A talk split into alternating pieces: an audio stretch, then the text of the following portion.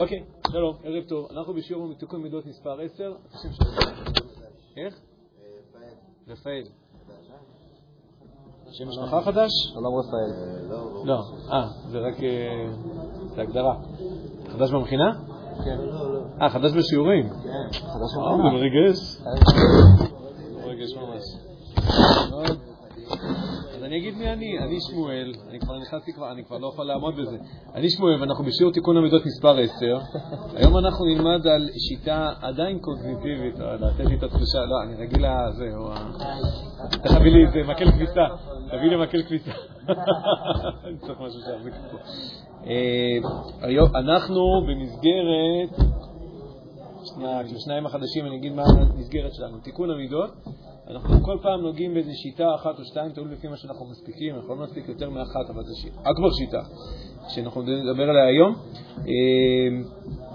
כל מיני שיטות איך מתקנים את המידות, ואנחנו תמיד בסוף גולשים כאילו לארבע דוגמאות שהן אה, קשורות לזה, חלק מהן ספציפיות וחלק מהן יותר כלליות, אה, איך, מה יעזור לנו לקום בבוקר, מה ייתן לנו ביטחון עצמי, אני לא זוכר, אני פשוט קורא מכאן. מודל מזדחיינות, אתה זוכר, זה פדיחות, ואיך איך, אה, אנחנו מתחילים בעשיית כושר וכו', וכל מי שרוצה כמובן לשאול ולתת וזה וזה מוזמן. אז מה השיטה שלנו היום? לכן הבאתי גם שני ספרים, אבל האמת אפשר להביא כזה ערימה של ספרים. זה בערך השיטה, זה בערך השיטה הכי פופולרית שיש היום בפסיכולוגיה ובטיפול וכו', נקראת CBT, כוחו של CBT בטיפול זוגי, טיפול קוגניטיבי התנהגותי, שראשי תיבות זה CBT, כמובן לא בעברית אלא באנגלית, זה כאילו cognition behavior treatment, כן, בסדר הפוך. אה, אוקיי, בעצם השיטה, אנחנו נקרא, אפשר לקרוא לה CBT, כאילו זה, זה, זה השם המדעי שקוראים לה, אנחנו נקרא לה שינוי הפרשנות, שינוי תפיסה או שינוי פרשנות. אוקיי. מאיפה זה מתחיל? אז בואו נחזור דווקא למקורות. בואו נחזור רגע למקורות. האבן עזרא, לא נרדמתם, לא אמרתי מקורות, נרדמתם. האבן עזרא שואל שאלה מפורסמת בעשרת הדיברות על הציווי לא תחמוד. אנחנו יודעים שבאחת מעשרת הדיברות זה לא תחמוד. שואל האבן עזרא שאלה פשוטה, איך אפשר לצוות לבן אדם לא לחמוד? לחמוד זה משהו שקורה שמה, זה לא משהו שקורה פה. אני יכול להבין מצוות שאתה אומר לי על הידיים, אתה לא תיקח את זה, כי על הידיים אנחנו יודעים שיש לנו שליטה, אבל הלחמוד זה משהו, ש... זה, זה כוח המתעורר, יגיד הרמב"ם, זה משהו שקורה לך בתוך הלב, אז אתה לא יכול לשלוט על זה. ככה שואל אבן עזרא. נכון, שאלה טובה. חשבתם על זה פעם? אהה, יש גם תשובה. מה התשובה? שזה לא נכון, וגם עליו אתה יכול לשלוט. בדיוק. אפשר לשלוט על זה. אפשר לשלוט על זה. אפשר לחלוטין לשלוט על זה. עכשיו, מה שאבן עזרא שם אומר שאפשר לשלוט על זה, ואני אציג את ההצעה שהוא מציע שם, שהיא מתחברת לחלוטין למה שאנחנו הולכים לדבר עכשיו, זה, זה נשמע מצד אחד פשוט, מצד שני, רוב האנשים בעולם ממש לא יודעים את זה. לא רק אם לא שמעו על CBT, ולא רק אם לא שמעו על אבן עזרא, שזה גם נכון וגם נכון. כאילו רוב האנשים בעולם, בהתנהלות היומיומית שלהם, הם בטוחים שכשקורה משהו, הם מגיבים בצורה מסוימת, וזה נראה להם שזה חייב לקרות ככה. אין דרך אחרת שזה יכול לקרות. רוב האנשים בטוחים, כולל כנראה אתם, אולי אלה שיושבים פה מסביבי, כאילו אתם איתי פה ומחייכים, אבל כנראה, אני מדבר עליכם, אתם מבינים את זה. אני מדבר גם על עצמי. רוב האנשים בעולם לא יודעים את הדבר הזה, שאנחנו יכולים לא רק לשלוט על התגובות שלנו, בסוף אם אנחנו נזיז את הידיים שלנו, אלא אנחנו יכולים אפילו לשלוט על מה אנחנו נרגיש ומה אנחנו נחווה מבפנים. רגש, ו, רגש ו, וחמדה זה לא בדיוק אותו דבר. אולי, לא משנה, לא ניכנס לדיוקים האלה כרגע. בסדר? אנחנו גם על זה יכולים לשלוט. איך אנחנו יכולים לשלוט על זה? אז בואו נשמע אתכם. כי זה כל כך פשוט לך, אז בוא, בוא, בוא, בוא תציע. איך עושים את זה? נכנסים קודם כל לשיתוקי מידות, קיבלתם חמש נקודות. זה כבר כאילו... 20 שקל, נמצאת שם באיזה מרתף סודי פה בזה, מכינה. הביט שלי לא זז, אז כנראה שלא ממש קונים את זה. טוב, אוקיי. אה, נכון, גם שיטה. איפה היינו? איך עושים את זה? פשוט לא לעשות את זה, להבין את הסיבה שלך. להבין אם אתה יודע למה אתה לא חומד, אם אני לא חומד בגלל שלא יודע, אסור בתורה, בגלל שזה לא בסדר, פשוט לא עושה את זה. זאת אומרת, ברגע שאני יודע שזה לא בסדר, זה נכנס לתוך הסיסטם, ואח... ואח... מאמין לזה, לא כי אתה אומר סבבה, כתוב בתורה, לא זאת אומרת, לא כי רק זה נוגע ציווי. חיצוני, אלא כאילו, אתה אומר, אני אני פה עם הקדוש ברוך הוא עד הסוף. כן, כן, אוקיי? אני, זה, זה, בעיקרון זה נכון, בעיקרון זה נכון. אנחנו היום נלך טיפה יותר לעומק, אבל בעיקרון מה שאתה אומר, מור, זה, זה יכול להיות נכון. בוא נגיד, אצל הרבה מאוד אנשים, אם הם באמת, באמת יש אליהם, כמו שאתה אומר, זה לא רק כאילו מישהו אמר לך שאסור, אבל אתה כאילו כולך כאילו על הדבר הזה, אלא אתה אומר, וואי, זה אסור, זה רע, קצת קשור למה שאנחנו מדברים, נדבר עכשיו, קצת נפתח את זה יותר, אז זה ישפיע, זה ישפיע על המערכת כמו הפנימית. עם ילדים, אתה- אומר להם, תלמד למבחן. למה ללמוד למבחן? לא יודע, כי בעתיד זה חשוב. זה לא נוגע אליהם. אתה מבטיח להם, לא יודע, מאופניים, יהיה להם בתעודה 100, אז הם ילמדו, כאילו. כי זה משהו שנוגע בהם לעשות, זה משהו שהם... אז הבאת דוגמה, אבל ה- ה- ה- היא דוגמה מצוינת. ברגע שזה שלך, זה הרבה יותר ישפיע, רק בסוף הדוגמה שאמרת, היא בסוף היא קשורה שוב להתנהגות. הכוונה, אם אני אמצא את המניע הנכון, יפה, אני אוהב את התבנית. אם אני אמצא את המניע הנכון, אני אצליח לעשות פעולה שמקודם כאילו לא רציתי לעשות אותה. רק מה יקרה פה?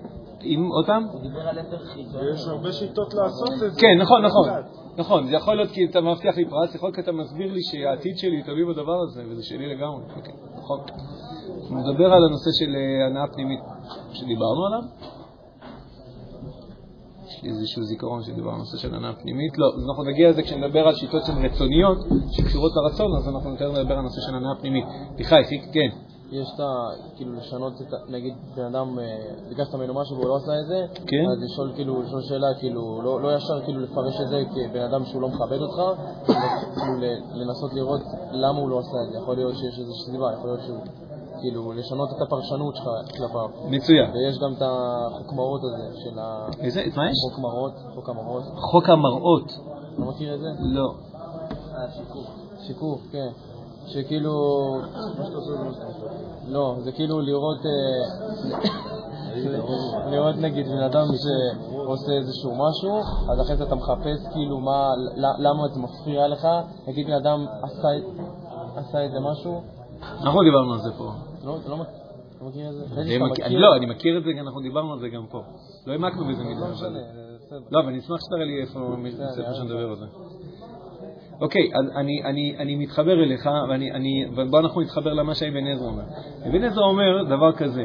עכשיו, הוא לא יגיד את זה בשפה כמו שאני אומר אותה, הוא אומר את זה בשפתו האבן עזרית, כאילו, שלפני, אה, שלפני אה, לא יודע, 900 שנה, 800 שנה, אבל את אותו עיקרון אחר כך אפשר למצוא אותו בעוד כל מיני מקומות. עוד שנייה, אני אגיד לכם מסילת ישרים, שאומרת אותו רעיון בדיוק השבוע, נפגשתי בזה ואמרתי, וואלה, זה בדיוק אותו רעיון. אומר אבן עזרא ככה, הוא אומר, אם לך היה ברור, אומר, אם לך היה ברור שהדבר הזה שאותו אתה חומד, אתה רואה כאילו את איזה פלאפון של מישהו ואתה רואה...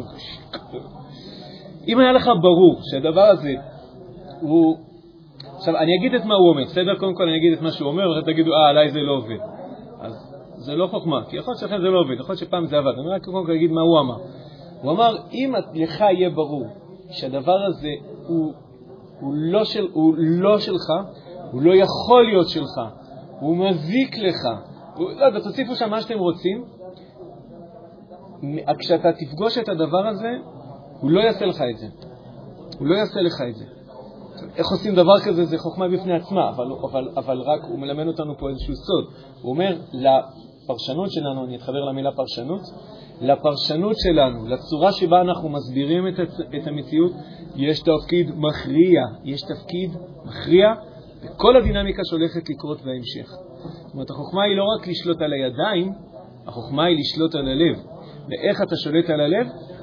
עוד שיטה אחת שעושה את זה במומחיות גדולה מאוד, ואמרתי, הבאתי פה שני ספרים, כי שניים נמצאים, שני נמצאים אצלי בבית, אבל היום זה התחום החם, כאילו, אם הייתם הולכים עכשיו לזה, הייתם רואים ערימות של ספרים, כאילו, שהולכות עם, הז- עם הז'אנר הזה של CBT, זה בעצם, תשנה את הפרשנות, תשנה את. ושינית, ובעצם שינית, שינית, בוא נגיד את זה בראשי תיבות, שלא לא, לא יודע מי המציא את הראשי תיבות האלה בעברית, שהם דווקא מוצלחים, מודל אפרת. יכול להיות ששמעתם את השם הזה? מודל אירוע- אפרת. אירוע אירוע, פרשנות, רגש תגובה. פרשנות רגש תגובה. זאת אומרת, אצל רוב האנשים יש אירוע, יש תגובה. הוא עצבן אותי. הוא עצבן אותי. זאת אומרת, היה אירוע, הוא עצבן, ואני התעצבנתי, נגמר הסיפור, כאילו אין פה, אין על מה לדון. אין לנו. מה, אתה לא היית נעלב אם היו אומרים עליך ככה? שוב, היה אירוע, יש תגובה. אין, אין מרווח באמצע, זה כאילו אירוע מוביל תגובה, נגמר הסיפור. עכשיו, אם אנחנו קצת יותר מעמיקים, אנחנו יודעים שהיה שם רגש. לפני שהגבת, הרגשת משהו, הרגשת עצבים. לפני שהרגשת עצבים, הרגשת עוד משהו, הרגשת עלבון. אז היו שם כמה רגשות שהיו מעורבים, הרגשת עלבון, העלבון הפך את עורו לעצבים, ואז הגיעה הקפה. עכשיו, אז הכנסנו עוד רכיב אחד שיש שם רגש, אבל זה עדיין לא אומר שזה בר שליטה. למרות שאדם יכול לשלוט, רק אומר בסוגריים, אדם יכול לשלוט על הידיים שלו גם אם הוא מרגיש עצבים. וואלה, גם זה אפשרי. אבל עכשיו אנחנו, מודל אפרת בו יבוא ויגיד, רגע, בוא נכניס שם עוד רכיב אחד. כי הרכיב הזה הוא באמת נמצא שם. מי שזוכר שציטטנו איזה מעגל כזה של איך, אה, מה, איך, איך הדברים קורים, אז זה הופיע שם. לפני רגש מופיעה פרשנות, והפרשנות היא יוצרת את הרגש. שינית פרשנות, שינית רגש, שינית רגש, שינית כנראה גם את התגובה שלך. מדהים, מדהים. זאת אומרת, במקום לנסות לעצור את הרכב המידרדר בשנייה האחרונה לפני שהוא נופל לתהום, במקום זה אתה יכול להת, להתערב בתוך המערכת ממש בהתחלה שלה. אתה משנה את הפרשנות, אתה משנה את הרגש, אתה משנה את הרגש, אתה משנה את התגובה, את התגובה ווואלה, תיקון המידות כאילו בלי לזוז, מה, בלי לזוז מהכורסה. אמרתי לכם בהתחלה שהתחלנו, עוד שנייה דוד, שנכנסנו, ל, ל, בהתחלה התחלנו עם כל מיני שיטות התנהגותיות שהן קשורות לשליטה שלנו בתגובות שלנו. ודיברנו על כמה שיטות, אם זוכרים, כאילו, בהתחלה, דיברנו כמה שיטות התנהגותיות. ואז אמרתי לכם, עכשיו אנחנו הולכים לדבר על שיטות שכליות, אחרי זה יש שיטות רגשיות ורצוניות ודמיוניות, ואז אמרתי לכם שזה שיטות בטטה, זה שיטות כורסה. אתה כאילו עושה אותן מהכיסא. אתה עושה אותם עכשיו. אתה לא צריך להגיע לסיטואציה ואז תחשוק שיניים. אתה לא, אתה מתחיל לעשות את זה עכשיו. אתה לא חייב אפילו לדמיין את הסיטואציה, יכול להיות שזה אחד מהכלים, אבל אתה מתחיל לעשות עכשיו. משנה משהו בפרשנות של האירוע שקורה פה. או משנה את האירוע כמו שליחה הציעה. אפילו להעמיד סימן שאלה, זה כבר איזשהו שינוי. כאילו, מה זה לשנות פרשנות? מה, איזה שינוי פרשנות יכול להיות? כן, הוא נתן לי סטירה, בסדר, אני מתעצבן. גם על איך אתה יכול לשנות את זה? שנייה, גם, גם על זה אפשר... בוא, ניקח מקרה לפני שהכניסו לך סטירה. נגיד העליבו אותך. עכשיו, מה שקורה הרבה פעמים, אתם יודעים מה, בוא ניקח, בוא ניקח עזבו, לא, לא ניקח כרגע קרבות רחוב, בוא ניקח את התחום שאני אוהב לגעת בו, בגלל זה תמיד מעניין אנשים, בוא ניקח את התחום של זוגיות, בוא, כולם כזה, אה, זוגיות. אה, מריבות בין בני זוג. עכשיו, זה קורה גם, בני, גם ביניכ, ביניכם, זה קורה תמיד בני אדם מריבות, אלא מה, כשאנחנו לא גרים באותו בית צפופים ותמיד חייבים להישאר ביחד, אז רבנו, אז השלמנו, לא השלמנו, אה, כל אחד הולך לדרכו. או כשאתה גר בתוך בית צפוף וזהו, לך, אין ללכת לדרכו, אתה איתה בבוקר ובערב. אז שמה המתח עולה מאוד מאוד מאוד מהר, וזה כל הזמן קורה, וזה גם יקרה לכם, אני כבר אומר לכם עכשיו, אז קחו את המספר שלי, כן, גם עם הזוגי. אה, ושם מה קורה? מה זה? אני לגמרי חושב להוציא את זה, אבל אה, זה ייקח קצת זמן, כאילו, דבר דבר, דבר דבר. בקיצור, ושמה, שמה אתה, הבעל מוכן להישבע לך, מוכן להישבע לך שהיא העליבה אותו. היא העליבה אותו. היא אמרה לו, אתה אף פעם לא עוזר, אתה רק, אה, לא יודע בדיוק, אמרה לו משהו. ואז כשאתה שואל אותה, עכשיו, אני מציע שאתה יכול לשנות את הפרשנות בעצמך, אבל במקרה של זוגיות, לדוגמה, כשהבן אדם ההוא נמצא לידך, והוא גם, לצורך הנושא, הוא גם אדם שמאוד יקר לך, אתה יכול פשוט לשאול אותו. כשאתה שואל אותו, כאילו, אתה שואל אותו, תגיד, למה התכוונת? למה התכוונת שאמרת את המשפט הזה? כאילו, זה באמת משפט שאפשר להיפגע ממנו, אבל למה את התכוונת? את התכוונת באמת לומר שהוא אידיוט עציץ וזה כמו לדבר לקיר? זה, זה באמת מה שהתכוונת להגיד? אני לא יותר ותג- התכוונתי לא לדבר. תגיד לך, ככה נראה לך, אה, איזה גבר. הולך לך להיות, מה זה כיף. אתה מוציא משהו מהפה, הוא מתכוון לזה, אתה לא מוציא מילים מהפה סתם. אז אני, חכה, תתחתן ותגלה שזה לא מדויק המשפט הזה, לא מדויק. לא, לא, אני אומר ברצינות. זה ככה אצלנו בדרך כלל גברים, אבל גם אצלנו זה לא תמיד מדויק, אבל קו וחומר, קו וחומר אצל נשים. אצל נשים לא זה... ככה אני שולח אותה אליך. מה זה? תדבר ככה, לא, אליך. לא אכפת לי מי משלם, לא אכפת לי. זה ככה.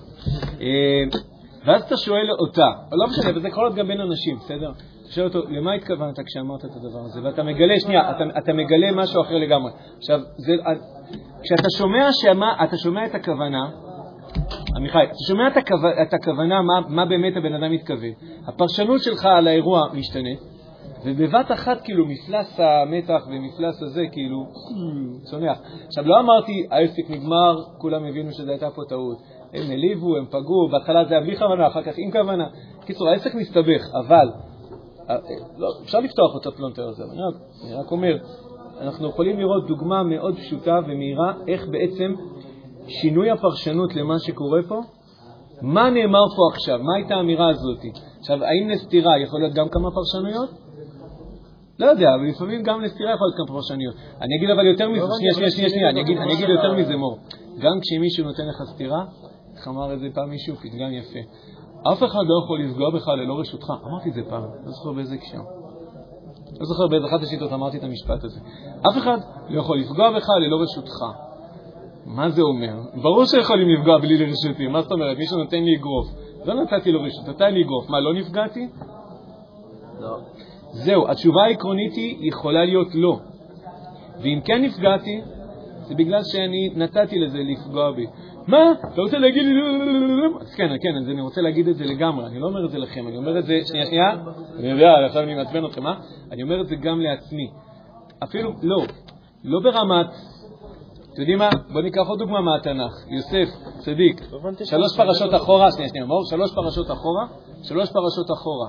האחים כשמכרו את יוסף, האחים כשמכרו את יוסף, היה איזשהו, מה...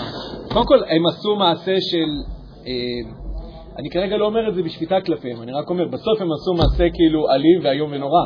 בסדר, היה להם את כל הסיבות שלהם, אבל בסוף עשו מעשה אלים ואיום ונורא. הם רצו להרוג אותו, אחר כך רק מכרו אותו לעבד, למצרים. אה, לא, לא, יודע מה, לא יודע איזה גורל יותר מוצלח, למות או להיות עבד במצרים. זה מה שהם עשו. אם לא משנה כרגע מה היו החשבונות שלי ומה היו הכוונות שלהם. עכשיו, מה היית מצפה שיוסף יגיב? כשיהיה לו את האפשרות, אם הוא יישאר בחיים, שפוי, מה הוא יעשה? שמע, סבבה מה שהוא עשה. טעח להם את הצורה שחבל על... אם יבוא היום והוא יהיה בן אדם חופשי, אם הוא יצליח איכשהו לצאת מזה, יבוא יום ובן אדם חופשי, ובוא נגיד, יהיה לו קצת אמצעים, בוא נגיד שהוא יהיה מלך מצרים, בוא נגיד שהם עכשיו נמצאים מתחתיו, וואי וואי וואי וואי, כל הכעס, כל התסכול, כל השנים, כל הסבל, כל השאלות שרצו לך בראש, היית בכלא וכעבד. הנה, עכשיו אתה יכול סוף סוף לעשות את זה. והאחים, היה להם ברור שזה מה שיוסף הולך לעשות. סוף פרשת ויחי, ולכן הם שם כנראה שיקרו לו. ואמרו שאבא שלך ציווה, כאילו, חשבו שרק בגלל שיעקב חי. ומה יוסף אומר להם? זאת אומרת, אצל יוסף, רגע, אני שנייה אשלים רק את הרעיון. יוסף בעצם, מה שהוא אומר, יוסף מה שהוא אומר, זה שברגע שהפרשנות שלי היא שונה, אלוקים חשבה לטובה, זה הפרשנות שעוברת ליוסף בראש. ואגב, הפרשנות הזאת היא לא דוחה את המציאות, את ראיית המציאות. אתם חשבתם עליי רע, הוא אומר שלוש מילים קודם. זאת אומרת, הוא לא חי בלה לנד. הכל טוב, הכל פרפרים, הם בטח התכוונו לטובה. אתם חשבתם עליי רעה, אני יודע את זה. אבל השאלה מה אני בוחר להיות ממוקד, ואני בוחר להיות ממוקד ואלוקים חשבה לטובה, ובגלל שבזה אני ממוקד, גם אם אתם פגעתם בי, אני לא נפגעתי. ולכן, אני, ולכן אני, לא, אין לי שום רצון לנקום בכם. אני כאילו, יוסף כל כך, כאילו, לא, לא, לא כתוב, אני אמציא, הוא כאילו נעלב מההצעה הזאת שהוא... הוא, הוא, הוא, הוא, הוא, הוא יכול להבין, הוא מבין, כי, כי אנשים נורמליים זה מה שהם היו עושים. כמה סרטים עשו על, אלה שדפקו איזה מישהו, ובחצי השני של הסרט שהוא זה, אז הוא דופק אותם בחזרה. זה נשמע כאילו, זה דרך הטבע. גם אם אתה יודע שיש לך מצווה שלא תיקום ולא תיטור, בסדר? כאילו. ויוסף, בעמדה הפוכה, הוא אומר, כל מה שאתם יכולים, אני אעזור לכם, אני אעזור לכם יותר ממה שאני צריך, אבל איפה הנקמה? איפה זה נעלם? כי יש לו פרשנות. אלוקים חשבה לטובה, והוא בוחר, ושימו לב, פה אני מוסיף עוד איזה נדבך, הוא בוחר מה תהיה הפרשנות שלו, הוא בוחר במה הוא רוצה להיות ממוקד. וכשזה מה שהוא בוחר, אז כל העולם הרגשי וכל העולם ההתנהגותי מציית לפרשנות שהוא בחר אותה. זה כי עברו הרבה שנים. לא הרבה שנים לאבד את מה שקרה. אני בטוח שאם אחרי חודש היה רואה אותם, היה הורג אותם. אם אחרי שנה, הוא גם היה רואה אותם. היה לו כזאת כמות של זמן לבד לחשוב על זה. לאבד את הסיפור. כן, כן, אבל אתה- בטח, בטח, כי אתה באותו רגע, אתה לועג ואתה עצבני, ואחרי שנה, ואחרי שנתיים, ואחרי עשר, אתה כבר שוכח למה כל כך היית עצבני, אז בסדר, זרקו אותך, בסדר, אתה מתחיל לחשוב גם על עצמך, יש לך כל כך הרבה זמן. אנשים היום לא מוותרים על דברים אחרי 20 שנה כי עבר 20 שנה. בטח שכן. זה כמו שנפטר לך בן אדם קרוב, ובזמן הקרוב אתה בוכה, אתה עצוב וזה. אחרי כמה שנים אתה כבר פחות וזה, ויותר שוכח ויותר שוכח. בסוף לא נשאר כלום, כמעט מהצער הזה. פעם בשנה אתה עולה לקבר, לזה, אתה מצטער ומתקדם. אתה אומר זה בגלל שאתה כבר, אתה פחות רואה את הבן אדם שנפטר, אתה לא רואה אותו מסביבך, אתה פחות חושב על זה, ויש לך את החיים שלך. אצלו, במשך כל ה-20 שנה האלה, רוב המוחלט שלהם הוא היה עבד או בכלא. אבל היה לו כזה כמות זמן שלו עם עצמו לאבד את המידע, להבין איפה הוא טעה גם, איפה הם טעו, איך לעשות את זה. העיבוד מידע, העיבוד מידע הוא רק נראה לי גורם יותר. כמוך למה אני פה? למה אני פה? למה הם עשו... כל הסרטים שאני ראיתי, אני ראיתי סרטים, כל הסרטים שאני ראיתי, תמיד הוא, תמיד הדמויות שם אומרות, אני לא יודע, זה כאילו, זה תסריט, כן, אבל זאת אומרת, היה לי 20 שנה לתכנן את הנקמה, ככה הם תמיד אומרים. עכשיו כתבו להם את זה בתסריט, אני לא יודע אם אנשים רגילים זה מה שהם עושים, אבל אני יכול להבין את האהבה אמינא, שדווקא אנשים, כאילו, אם יש להם את הזמן, הם, הם דווקא חושבים איך הנקמה הולכת להיות אה, עסיסית ומוצלחת. עכשיו תראה, אני, אם הייתי אומר שאני ממציא את זה, בסדר, אבל האחים חשבו כמוני. כאילו, האחים חשבו שלגמרי שזה מה שהולך לקרות, והם גם לא היו אנשים פשוטים. הם היו חושבים, וזה הביא אותם למצב שלפחות לחלק מהפרשנים, הם שיקרו, הם שיקרו לו. הם אמרו לו שאבא שלך ציווה לפני מותו לאמור, וזה לא קרה. שאלה גדולה, אם מותר שקר, קיצור, רש"י כותב שינוי מפני השלום. על, אה, כן.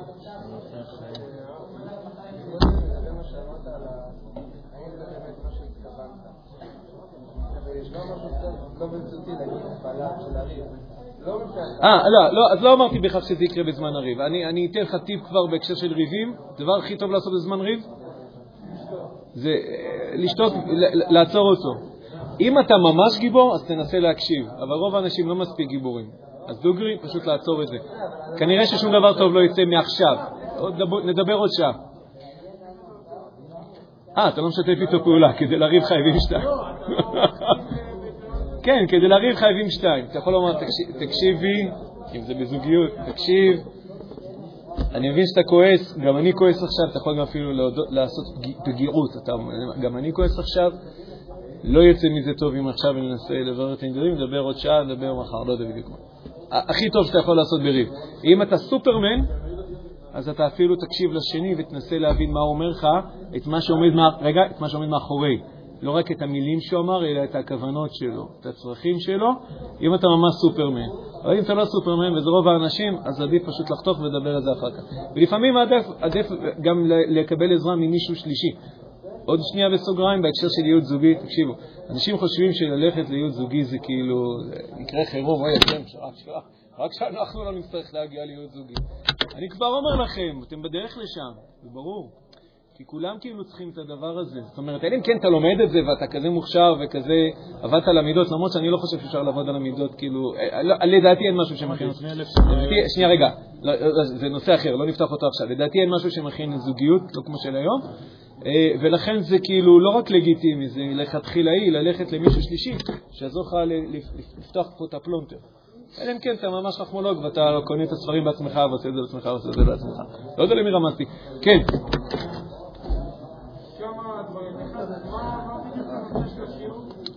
אה, גם אני הלכתי לאיבוד. הנושא, שלום, קוראים לי, שמואל, אנחנו בשיעור תיקון המידות מספר 10. חוזר על הזה. תגיד לי באיזה שלב. תיקון המידות, היום אנחנו לומדים על שינוי פרשנות, שינוי תפיסה, המכונה בלעז CBT. כן. כן.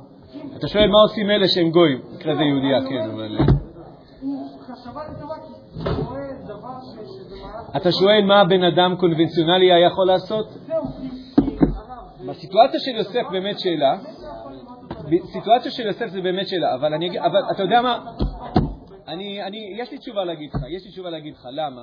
כי הנושא הזה של שינוי פרשנות, תקשיבו, אתם, אני לא אמרתי שאתם לא קולטים, באתי לומר אתם לא קולטים. אני עוד לא ייצגתי את זה מספיק, שתבינו עד כמה השלכות יש לדבר הזה, עד כמה השלכות יש לדבר הזה. ובואו אני אקח דוגמה. אדם נופל, אה, אני אקח את הנושא של התמודדות עם קשיים. התמודדות עם קשיים, שזה זה זה, זה, זה, זה, זה, זה תולדה של הדבר הזה. אדם נופל בשבי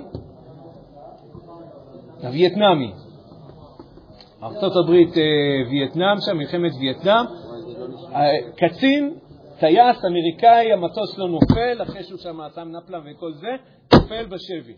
מה הולך לקרות לו שם בשבי? שמחה וששון לכל ילד בלון. היה בשבי שם איזה משהו כמו חמש שנים, איך הבן אדם יצא משם? כאילו אה, אה, אה, על כיסא גלגלים קוקו, נכון? בן אדם יוצא מהשבי, חוזר, שרד, חוזר לארצות הברית, חוזר לצבא, מתקדם במעלות הקצונה, משתחרר בדרגת אדמירל, שזה משהו כמו תת-אלוף, וכותב ספר על ימי השבי. ובספר הוא אומר, בספר הוא אומר, אני רוצה לספר לכם על היום שבו פעילו את המטוס שלי, אני רוצה לספר לכם על היום שבו אני נולדתי מחדש. בן אדם שפוי, סופר שפוי, אקסטרה שפוי. זה אני לא יודע, אבל אני יכול להגיד לך את השם שלו, קוראים לו סטוקדייל. אתה יכול לחפש. ג'יימס סטוקדייל, אני לא מכיר את הסיפור הזה כי הוא איזה דוד שלי או משהו, אני מכיר את זה כי זה מופיע באיזשהו ספר אחר. שם זה לא מופיע בהקשר של מה שאני רוצה להגיד עכשיו, אני כן רוצה להביא את זה, רק, רק אני אסביר מה הדוגמה פה. רוב האנשים שהיו איתו שם בשבי לא חזרו, לא חזרו שפויים, ולא חזרו לצבא, ולא בדיוק כתבו ספר על ימי השבי. בסדר? אולי בסיוטים שלהם מופיעים ימי השבי. אז מה קורה פה? מה קורה אצל הבן אדם הזה? שוב, שני אנשים, אני בדרך כלל רגיל לומר שלושה אנשים, עוברים את אותו אירוע, והצורה שבה הם מתמודדים עם אותו אירוע היא כל כך שונה אחת מהשנייה, אבל שונה לא רק בניואנסים, שונה כאילו ב... אחד מתפרק, אחד שורד, והשלישי צומח. ממש, אפשר, אפשר. אפשר, אגב, אפשר גם לגרום לזה שטראומה לא תהפך להיות פוסט-טראומה מלכתחילה. זה גם אפשרי. ולא נפתח... רגע, רגע, לא, לא נפתח את זה עכשיו. יש דינמיקה פוסט-טראומה נגרמת. היא לא נגרמת מהטראומה, היא נגרמת מהפוסט. היא נגרמת מהתגובה שאתה מגיב לדבר הזה. היא נגרמת מהפרשנות שאתה נותן למה שקורה איתך. משם היא נגרמת, היא לא נגרמת מהטראומה. טראומה זה, זה אדמה, מה יצמח מהאדמה הזאת, זה תלוי איזה זרע אתה שותל שם. זה תלוי איזה זרע אתה שותל שם. הטראומה היא לא זאת שמכריחה שבן אדם ייפול. זה שוב פעם המלכודת הזאת שדיברתי עליה מקודם. אני אומר מלכודת, אני יודע שרוב האנשים נמצאים שם. זו הייתה עכשיו דוגמה. אנחנו בטוחים שאירוע מסוים אמור לגרור תגובה מסוימת. לא יכול להיות שיקרה שם משהו באמצע, וזה לא נכון. זה לא נכון. אנחנו יכולים הרבה להיכנס שם באמצע, ואנחנו יכולים לא רק לשפר ב-10%, אנחנו יכולים לקחת את האירוע הזה, ובמקום שהוא יהפך להיות טראומה שקוברת את הבן אדם, יכולים להפוך את זה לאירוע שגורם לבן אדם לעלות עשר מעלות קדימה. אגב, במקרה של יוסף, אגב, אני שוב, אני, אני עוד לא עניתי לך, בסדר? אני עוד לא עניתי לך, כי אתה שואל מה יעשו לחילונים, נגיד, בסדר? מה יעשו הגויים? רגע, רגע, אני אענה לזה עוד רגע, אני רק אני אגיד לך רק נקודה שרציתי להגיד. יוסף הוא לא מהשורדים, יוסף לא שרד, יוסף עלה, יוסף צמח. כשהוא אומר אלוקים חשבה לטובה, הוא בעצם רוצה לומר להם, זה לא רק, אני לא כועס עליכם. בואו נחץ ידיים כידידים. זה לא מה שהוא אומר, הוא אומר, אני הרווחתי מזה, אני צמחתי מזה. כי במובנים מסוימים יוסף הוא מה שהוא היום, לא למרות האירוע הזה, אלא בזכות האירוע הזה. והוא עושה את זה בגלל שזאת הפרשנות שהוא רוצה לתת לאירוע הזה. זה לנאצים, כי בלעדיהם לא היה לנו מדינה, אנחנו מהשורש שלנו. זה לא, אתה לא צריך להגיד להם תודה. אתה, אתה לא צריך להגיד להם תודה. להם יש את החשבון שלהם. הם רשעים ארורים, צריך להרוג אותם. אתה, מה יקרה לאדם שהוא ניצול שואה? האם בגלל שזרקו אותו ל, ל, ל, למחנה השמדה, האם זה אומר שהוא יתפרק, האם זה אומר שהוא ישרוד, או האם זה אומר שהוא יצמח וירוויח. אני לא יודע אם יבוא ויגיד תודה, יכול להיות שייתן להם כדור בראש, כי מגיע להם כדור בראש, הם, מבחינתם הם רשעים, אבל מה יקרה אצלו? נחזור למשפט שאמרתי מקודם, אף אחד לא יכול לפגוע בך בלי רשותך. זה היה נשמע מקודם מאוד מאוד מוזר. אני עכשיו מקווה שהמשפט הזה הוא כבר פחות מוזר, כי, כי זה אומר שאפילו כשפוגעים בך ממש, פיזית, לא רק עלבון וזה לא בדיוק הייתה הכוונה, שזה עוד מקרה light, אלא אפילו עשו לך פגיעה פיזית והייתה כוונה ברורה למה רצו לעשות את הדבר הזה, גם אז זה תלוי בך, האם אתה תיפגע. לא אמרתי שלא יש לך סימן, לא, לא אמרתי, על זה אנחנו לא שולטים. אבל מה יקרה לך בעקבות האירוע הזה, זה נמצא בידיים שלנו, איך? ואנחנו פה פותחים דלת שהיא מובילה לתוך עולם שנקרא עולם הפרשנויות שלנו. כי פה זה כל כך משנה, ואני עוד שנייה אתן לכם כמה דוגמאות, ואז אנחנו ניכנס לדוגמאות שלנו ונראה אפשר ליישם את זה שם. כמה תחומים שבהם הפרשנות היא החיים ומוות ביד הלשון. זאת אומרת, הצורה שבה אנחנו נדבר, בצורה שבה אנחנו נפרשן את האירוע, היא תקבע אם זה יהיה חיים או מוות. על עצמנו. ממש, ממש לגמרי. כן. רגע, אבל אולי אני אענה קודם על השאלה שלך. כי אתה רוצה לשאול עוד שאלה כבר. או שזה דומה או ש... אתה, רוצה רגע שאני אענה, זה יכול להיות קצר, זה לא צריך להיות ארוך. תן לי, נו, גם אני יודע. אה, אז אולי תרשום, אני כל הזמן רושם. לא. אתה תזכור? מה זה פרשנות? הצורה שבה אנחנו... מתרגמים. כן, מתרגמים לעצמנו את האירוע הזה. מתרגמים לא רק במובן, הוא לא התכוון לזה, זה סוג אחד של תרגום. תרגום אחר זה יכול להיות, מה אירוע כזה יכול להיות בשבילי. מה אירוע כזה יכול להיות? זה, זה עוד סוג של תרגום. כי הרבה מאוד אנשים, זה, זה קשור למה שדיברתי מקודם, אה, העברתי את השיעור קשיים, אתה איתם. מתי זה היה ערב שבת שבאתם? זוכרים, דיברתי על שלוש הקבוצות? זה היה זה, זה היה זה. לא, קרא, לא קראתי לזה ב-CBT ולא קראתי לזה שינוי פרשנות, אבל זה היה זה. הכוונה, מה זה, מה זה קושי בשבילך? כן, אני, אני חוזר על זה הרבה, אני, אני רוצה להטמיע את זה, זו בשורה מבחינתי. זו הייתה בשורה בשבילי, תקשיבו, אני מבשר את הבשורה הלאה כי, כי בשבילי זו הייתה בשורה, אני לא ידעתי את זה. מה זה קושי בשבילי? מה זה טראומה בשבילי? הצורה שבה אנחנו מפרשים לעצמנו אירוע מסוים או כלל האירועים, זה הולך לקבוע את כל הדינמיקות הבאות שהולכות לקרות פה. האנשים שהם, שהם, שהם, נקרא לזה, הם חלשים, אין להם חוסן. מה קובע את זה שלאדם אין חוסן? הוא בכיין, הוא, אה, אה, כל דבר שובר אותו. או אתם יודעים מה, בוא נגיד את זה על עצמנו. אני בכיין, הכל שובר אותי, אני לא מסוגל להתמודד עם כלום. יש לי מה לעשות עם זה? אז התשובה היא, בגדול, בהמון כיוונים, ודאי שכן. בואו נדבר בהקשר שלנו. הצורה שבה אנחנו נגיב לאירוע היא מאוד מאוד תלויה בצורה שבה אנחנו מפרשים את האירוע הזה בשמינותנו. נשנה את הפרשנות, אנחנו נשנה את התגובה, הרגשית אפילו, לא רק את התגובה המעשית, אפילו את התגובה הרגשית. ולא רק שאנחנו נשרוד, אנחנו יכולים אפילו לשגשג, שזה כאילו הדבר הכי מדהים שיכול לקרות מקושי. הכי מדהים שיכול לקרות מקושי. איך אתה יכול לשנות הפרשנות למשהו ש... זה מוזר, זה אולי המילה עומד הפרשנות. כי אין איך לפרש את זה, נגיד, המקרה של יוסף. אין לפרש את זה בדרך כלל. אז מה שהוא עשה שם זה לא היה את הפרשנות של מה הייתה הכוונה שלהם, כי יכול להיות, אגב, שבמקרים האלה, אם הוא היה מנסה לפרש ולהגיד, לא, אבל הם, הם רצו לעשות טוב, הם, הם לא התכוונו לזה. יכול להיות, א', שזה לא היה מחזיק מים, כאילו, הוא יודע שזה שקר. זה כמו אלה שנוסעים אה, בשבת, זה יש שם יולדת, יש פה עוד יולדת, שני גברים שם, גם, גם שם יש יולדת. היום זה כבר לא יכול להיות גם. אה, אני אומר, לתת פרשנויות שהן כאילו, הן לא, לא מחזיקות את המציאות, אז... אבל בכל מקרה... לא, אני, אני רק שנייה, אני אסביר. מה, ש, מה שיוסף משנה שם, זה לא כאילו מה הייתה הכוונה של האחים, אלא מה שהוא משנה שם, זה מה המשמעות של האירוע הזה בשבילו. לאו דווקא אגב האירוע הזה, אני חושב שאצל יוסף זה תמיד המנטרה. אלוקים חשבה לטובה זה דרך חיים. זה לא החלטה אחת שהוא קיבל על עצמו שם אי שם לפני 25 שנה. זה צורת חיים. כשזרקו אותו לבור, אני איתך אולי מור בנקודה הזאת, שאני לא יודע אם בשנייה שזרקו אותו לבור ושם הוא בבור צועק ובוכה, אם שם הוא אומר לעצמו אלוקים חשבה לטובה. יכול להיות שזה לוקח כמה זמן עד שאתה מרגיע מערכת אחת ומוביל מערכת שנייה, בסדר? אני לא יודע אם הגנרל הזה שזרקו אותו, שנפל שם בשבי, על השנייה הראשונה הוא אמר, אני הולך לכתוב מזה ספר.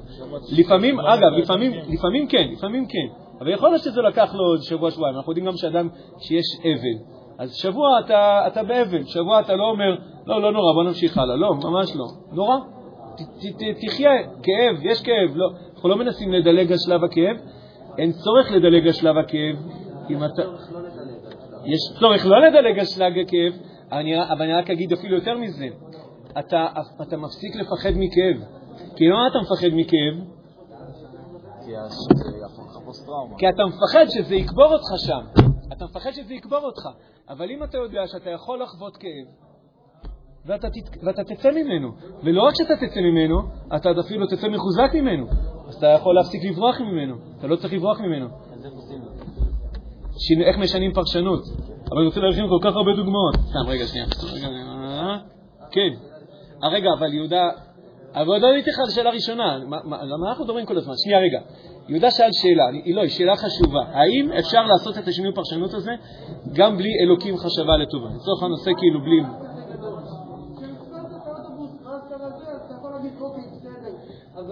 אבל אם אתה נופל בשבט ויצמי, אתה אומר שמה זה לא מסובך יותר.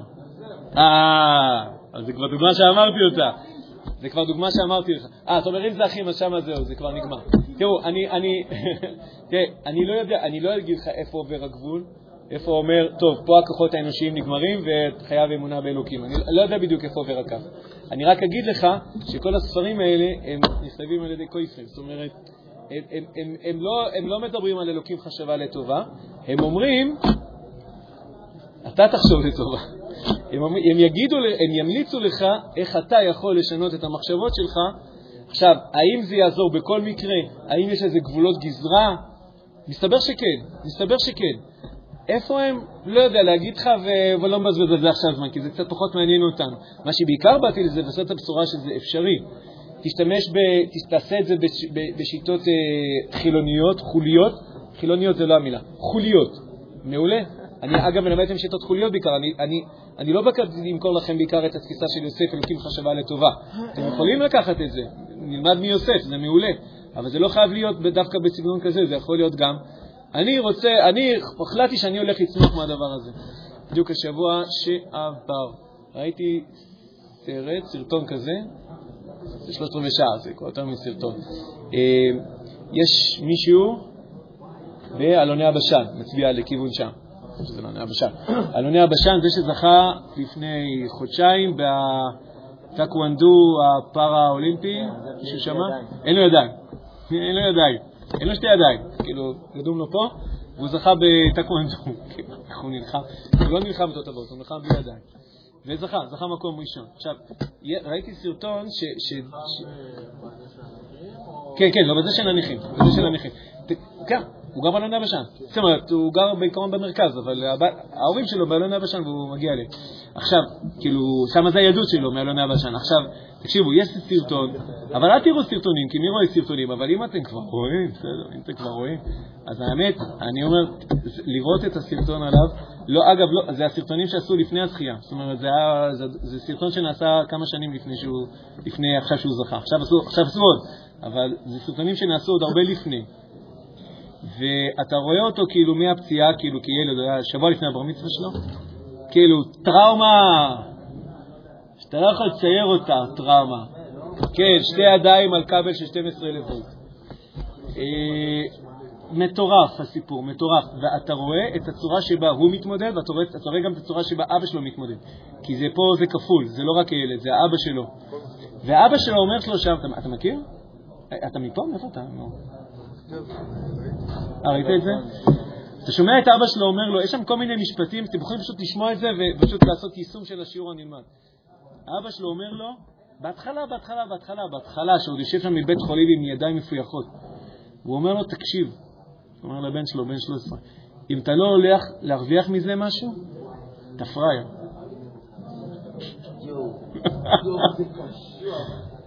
לא, עכשיו, הוא לא אומר לו את זה כמו, הוא לא, הוא לא אומר לו את זה כאילו ספרטני כזה, אתה לא רבה מזה, זה עם הרבה חיבוק ועם הרבה זה, ועם עם כל ההזדהות עם הכאב. אבל בסוף יש שם איזו אמירה כזאת. שוב, תראו, אני לא יודע, זה סרט, עורכים את זה, אני לא יודע בדיוק מה, מה זה מייצג, אבל המשפט הזה נאמר, ואני שומע אותו ואני אומר, וואלה, זה הקבוצה הזאת, היא קבוצה ג', מי שהיה בזה. זה קבוצה ג', אם אתה לא הולך להרוויח מסיפור הזה, אתה יוצא פראייר. איך אתה הולך להרוויח? מזה שהרגע איבדת שתי ידיים. איך אתה הולך להרוויח מזה? עכשיו, זה לאו דווקא רווח במובן הזה שאתה תגיד לעצמך, וואלה, אני מצליח לעשות היום הרבה יותר דברים בלי שתי ידיים. כנראה שהוא מסוגל לעשות פחות, אה, אה, פחות. אבל התהליך שהוא עובר מבחינתו בעולם האישי שלו, הוא צמח מהדבר הזה. הוא צמח מהדבר הזה. העובדה הזאת, כי בכתבות האלה מראים שהוא מקבל כאלה ידיים חשמליות, בכתבות אחרי הזכייה, הוא מספר שהידיים האלה כבר שנים בארון שלו. הוא לא משתמש בהם אפילו. הוא לא משתמש בהם. מטורף. בהגה. הוא מתחזק בית לבד, הוא גר לבד, מגיל 16. כאילו כמה שנים אחר כך הוא, עבר דירה כדי ללמוד את הטקוונדו וזה, לבד, לבד. אני בגיל 25 עוד חי על חשבון ההורים שלי, לא יודע כאילו להכין חביתה. בן אדם בן 16 התחיל לגור לבד, בלי שתי ידיים. בלי שתי ידיים. אז וואלה, בן אדם פה צמח מהדבר הזה, צמח לגמרי. קיצור, אז, אז, אז רק הייתה, כאילו בעצם, לגמרי אפשר לעשות את הדבר הזה בלי להזכיר שם שמיים. לא כי אני מנסה לחסוך, אה, לחסוך שם שמיים או משהו כזה, אלא כי אם אפשר לעשות את זה בצורה חולית, אז אפשר לעשות את זה שם. ויש מקומות אולי ששם זה באמת אה, מעבר לזה. לא, ולא מדבר כרגע על היחסים בין שני הדברים האלה, כי זה פחות, פחות הנושא שלנו. רק השתקתי מקודם את יהודה כי היה לו משהו, ועוד שנייה הוא שוכח. לגבי הכאב של אותו רגע. כן. בין אם חתכת אגרוף, בין אם חתכת עכשיו. אמרת שאפשר כביכול לנתב את זה שלא תהיה טראומה, אבל טראומה תהיה טראומה. כאילו, אתה מנסה להתחכם. נכון. נכון.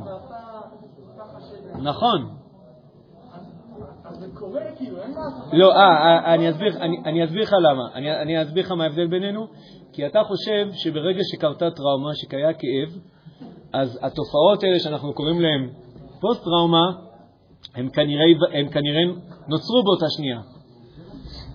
אתה אומר, בוא נתחכם ונעצור, בוא נתחכם איכשהו, ועכשיו עכשיו בוא נתחכם להם. ואני אומר לך שזה לא נכון. זה לא נכון. כי העיקר הבעיה היא לא קורית בטראומה ובכאב שקורה איתה, זה לא הבעיה. זה אירוע. זה אירוע. איך אתה תגיב אליו, אפילו באותן שניות, אגב, אפילו באותן שניות, כי אחת הדרכים, יש מודל, אגב, יש- ישראל פיתחה אותו ולומדים את זה בכל העולם. יש מודל איך מונעים מאנשים לחוות פוסט-טראומות. כי אפשר, מתברר שלא רק שאפשר לרפות את זה, מתברר שאפשר למנוע את זה. כי זה, כי זה תלוי לחלוטין בצורה שבה אתה מגיב, ממש בדקות הראשונות אחרי שהדבר הזה קורה. זה ממש... א', לגמרי מנסים ליישם את זה. בכל מקום, אני, אני לא יודע באיזה מידה זה רווח. אני פשוט לא עברתי קורס על זה, עברתי איזשהו שיעור על זה. אתם רוצים, תקראו על זה?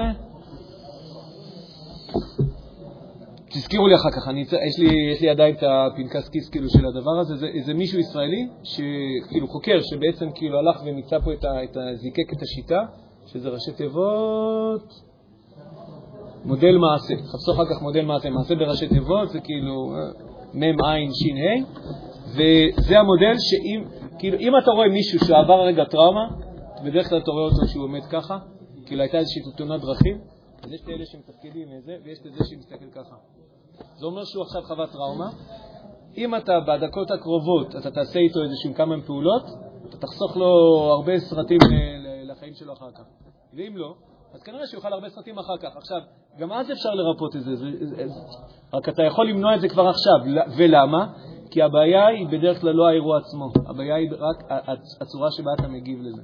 אם נכנסת לשיתוק, שם נמצא את הבעיה, הרבה יותר. תקשיבו, בוא, אני, אתן לכם, אני אתן לכם דוגמה חיה על עצמי, איך אני אוהב לשתף. אני במשך שנים, סיפרתי לכם את זה בעבר, אני במשך שנים, היה לי פחד כאן מטורף. סיפרתי לכם את זה פעם, נכון?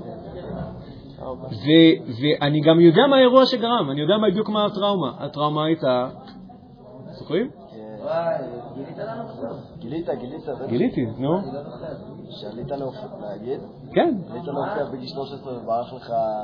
עליתי לתורה, קריאת התורה בגיל 13, בר מצווה, בכנסת, מלא בכל מיני סגנים כאלה. ואני כאילו מתחיל לקרוא פרשת תרומה. התכוננתי לבד, כי היה לי ביטחון עצמי כזה שאני עוד יכול להתכונן לבד, כי קראתי טוב.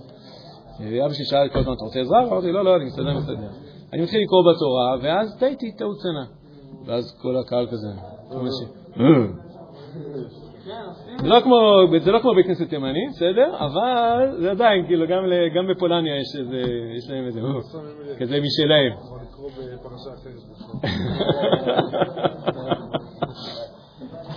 בקיצור, טוב, אני ממשיך, עוד פעם איזו טעות קטנה.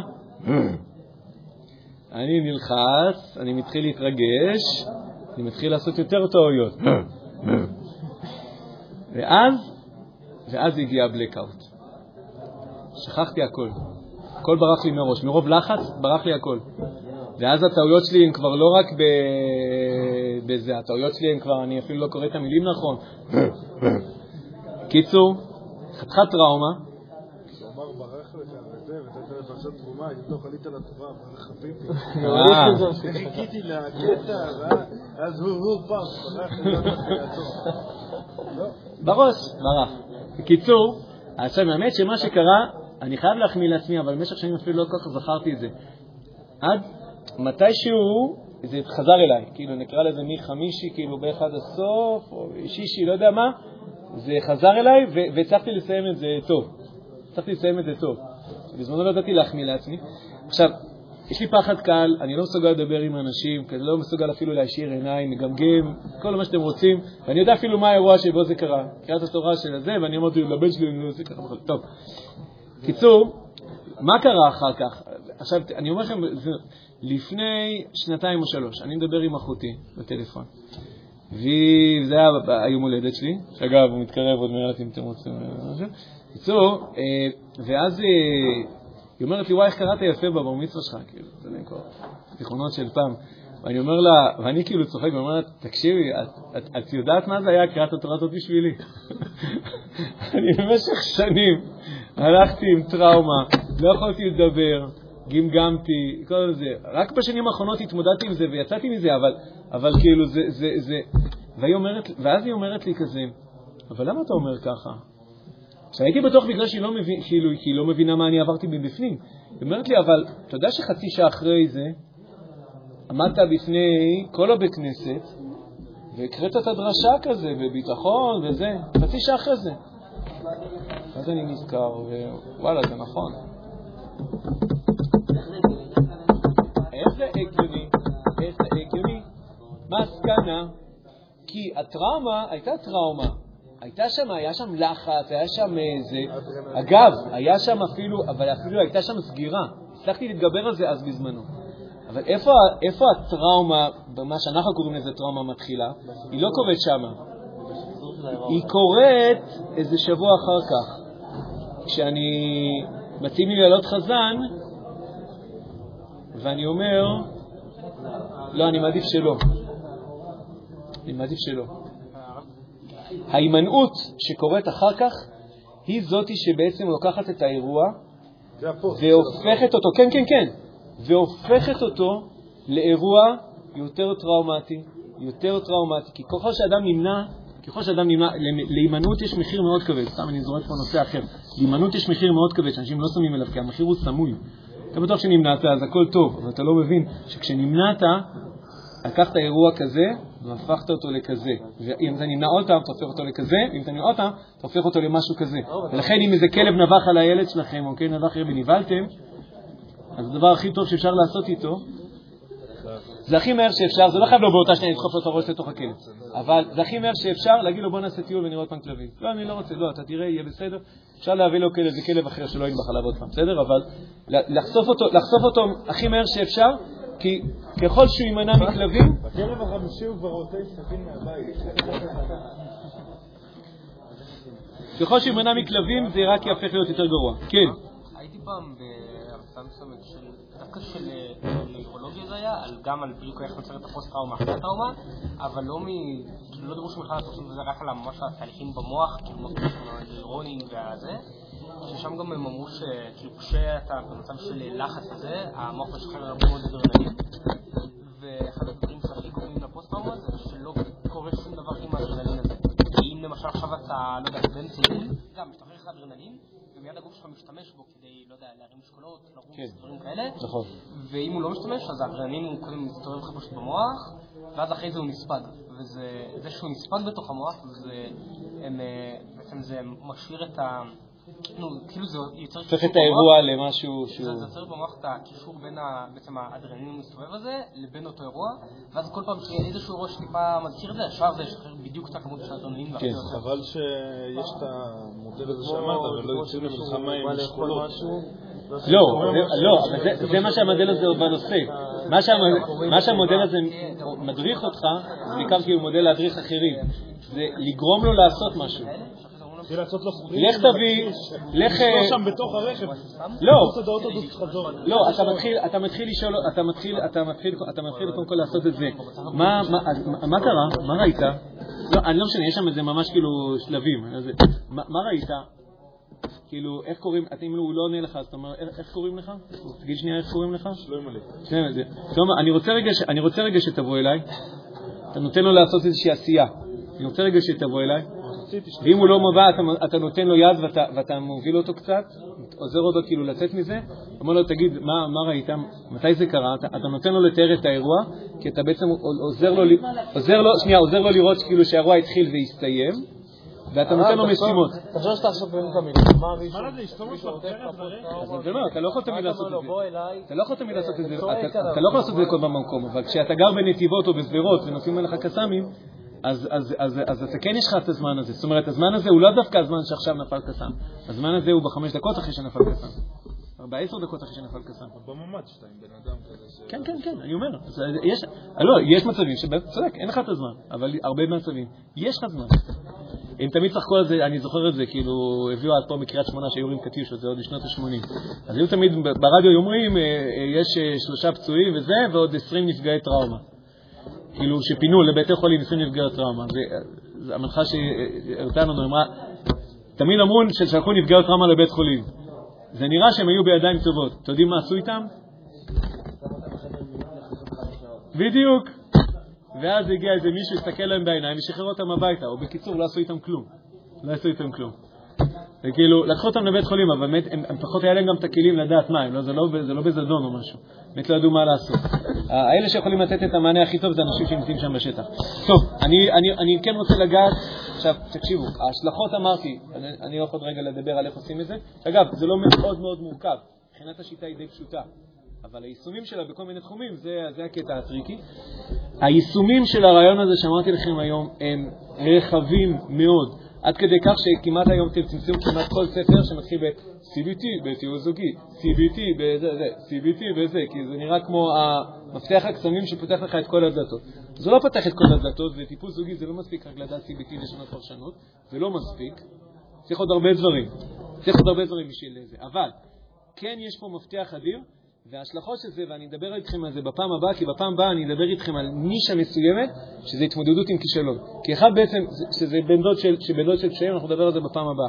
התמודדות עם כישלון זה אחד החסמים היותר עצבניים שיש לנו בחיים, יותר עצבניים שיש לנו בחיים, שאם אנחנו יודעים להתמודד איתו, אנחנו באמת כאילו משחררים את הצ'קרות, כאילו זה, זה... אז לכן אני כן, בשיעור הבא, אני כן רוצה לפתוח קצת את הנושא של כישלון, ואולי נפתח עוד כמה נישות שהן בעצם יישום של מה שדיברנו עכשיו. עכשיו, איך בסוף עושים את השינוי פרשנות? באמת באמת? כאילו מבחינת הזה, זה לא מאוד מסובך. תחשבו על זה. אם אני אומר לכם שזה לא בעצם לא מאוד מסובך, למה אני רומז בעצם? שמה צריך לעשות? באיזה צורה? תשב על הכורסה, ישבנו. לא יכול להיות, לא, אבל אם אמרנו שהפרשנות, שיש לנו פרשנות בראש שהיא לא מוצלחת, שהיא גורמת לנו לטראומה, כל. מקרה שקורה לך לנסות לפרש אותו לדברים... אה, שלב ראשון, תזהה, לזהות את הפרשנות, לזהות את הפרשנות שקיימת כרגע. לא לבוא עליה כרגע עם אקדח, לא להגיע עם שיפוטיות. דיברתי איתכם על זה פעם, נראה לי, כשאנחנו נכנסים לתוך הנפש, לא להגיע עם שיפוטיות. להגיע כאילו קלין, כאילו להגיע באמת בהקשבה ובענווה. גם אם מה שאתה הולך לשמוע זה נשמע לך מצחיק. גם אם זה אתה שומע את עצמך. אם אתה, ברגע שאתה מתחיל ללעוג לזה, אז, העסק נסגר. שלב ראשון זה לזהות את הפרשנות הזאת, ל- להחליט, מה הדבר הבא? להחליט. מה- כן, נכון, זו פעם ראשונה פה, אה? ל- לזהות את הפרשנות הבעייתית, שהיא בעייתית לך מבחינתך עכשיו. להחליט שהיא בעייתית.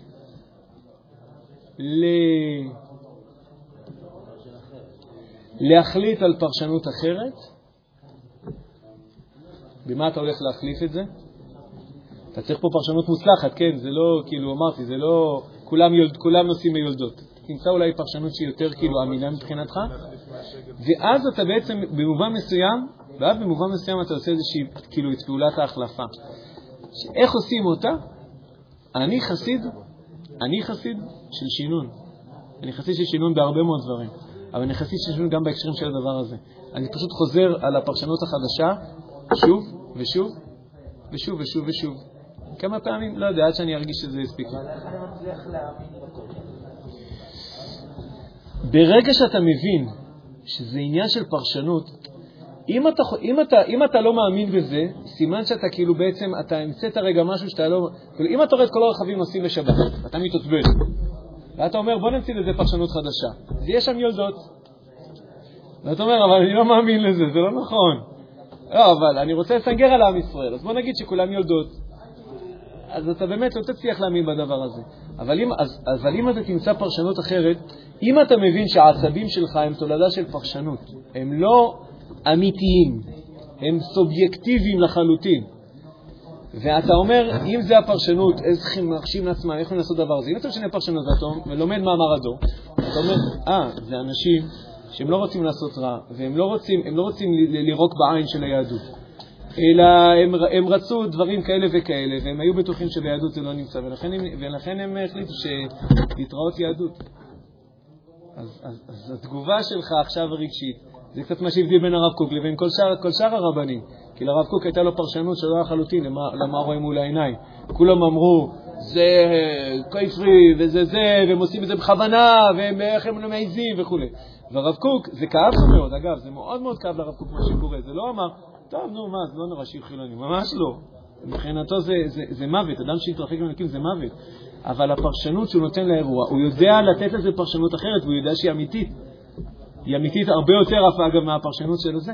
אבל לכן אין לו שום קושי, אתה מבין עמיחי, אין, אין שום קושי להאמין בפרשנות הזאת, כי למה היא פחות, למה היא פחות מוצלחת מהפרשנות הקודמת שלך?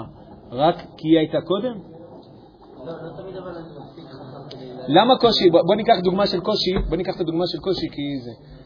קושי זה אסון, קושי זה, זה, זה, זה, זה סוף הדרך. למה לומר שקושי זה הזדמנות לצמיחה? למה זה משפט שברמת הקוגניציה שלי הוא פחות אמיתי מאשר קושי זה כישלון? לא, כי ברור שקושי זה כישלון. מי שאומר שקושי זה צמיחה זה, זה מוזר כזה. זה לא מוזר. זה חדש, יכול לומר שזה חריג, רוב האנשים לא חושבים ככה, אבל יש משהו פחות אמיתי במחשבה הזאת, אפשר להגיד קושי זה אסון? למה? זה שכתבת ספר שהוא צמח מזה, הוא לא אמיתי יותר מכל אלה שיצאו משוגעים מהשבי? מה הוא לא אמיתי? במה הוא לא אמיתי? אתה יכול לומר, הוא שונה מהרוב האחרים, סבבה. אני רוצה להיות שונה כמוהו, אני רוצה להיות כמוהו, לא רוצה להיות כמו כל אלה הוא בבית משוגעים. אז אני אומר, קודם כל, יש פה איזה כמה מחסומים שאנחנו עוברים אותם. עכשיו, אני, אני מאוד חסיד של שינון, כי, כי בסופו של דבר, הפרשנות, גם הקודמת, מאיפה היא נכנסה לנו לראש? גם כן משינון. גם כן משינון. שיננו לנו אותה. לאו דווקא שיננו לו אותה במילים, שיננו אותה במעשים. ראית את ההורים שלך כאילו בוכים וזה, והטמעת את, את הפרשנות שלהם. מההורים שלך, הרבה פעמים, מהמוסד החינוכי שהיית, מכל מיני אירועים שחווית, מעצמך שלא היה לך כלים בדיוק מה לעשות, אז משהו התבלגן שם. אבל גם, הוא ודאי שהוא תוצר של הסביבה, רק אפשר לקחת איזה פיקוד. ודאי שהסביבה משפיעה, ולכן במידה שאתה יכול, אז, אה, אז תיחשף לדמו- לדברים שהם, אה, שהם ילמדו אותך דברים טובים.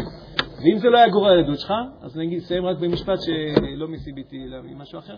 לעולם לא מאוחר, ליהדות, לעולם לא מאוחר מדי ליהדות מאושרת. הכוונה, גם אם זה לא היה גורל הילדות שלך, אז עכשיו אתה תחליט מה, יכול לשנות מעכשיו, ויש גם יש מצב שאתה יכול לשנות רטרואקטיבית. אה, אנחנו יותר נרחיב את זה דרך, דרך שבוע הבא, כשאנחנו ניקח את הנושא של התמודדות עם כישלון, גם צריך להבין עד כמה הדבר הזה הוא משקולת בתוך החיים ואיך מתמודדים הדבר הזה, כמובן פלוס חשיפה אישית נוספת שהולכת להיות... אה, חזק וברוך, לילה טוב.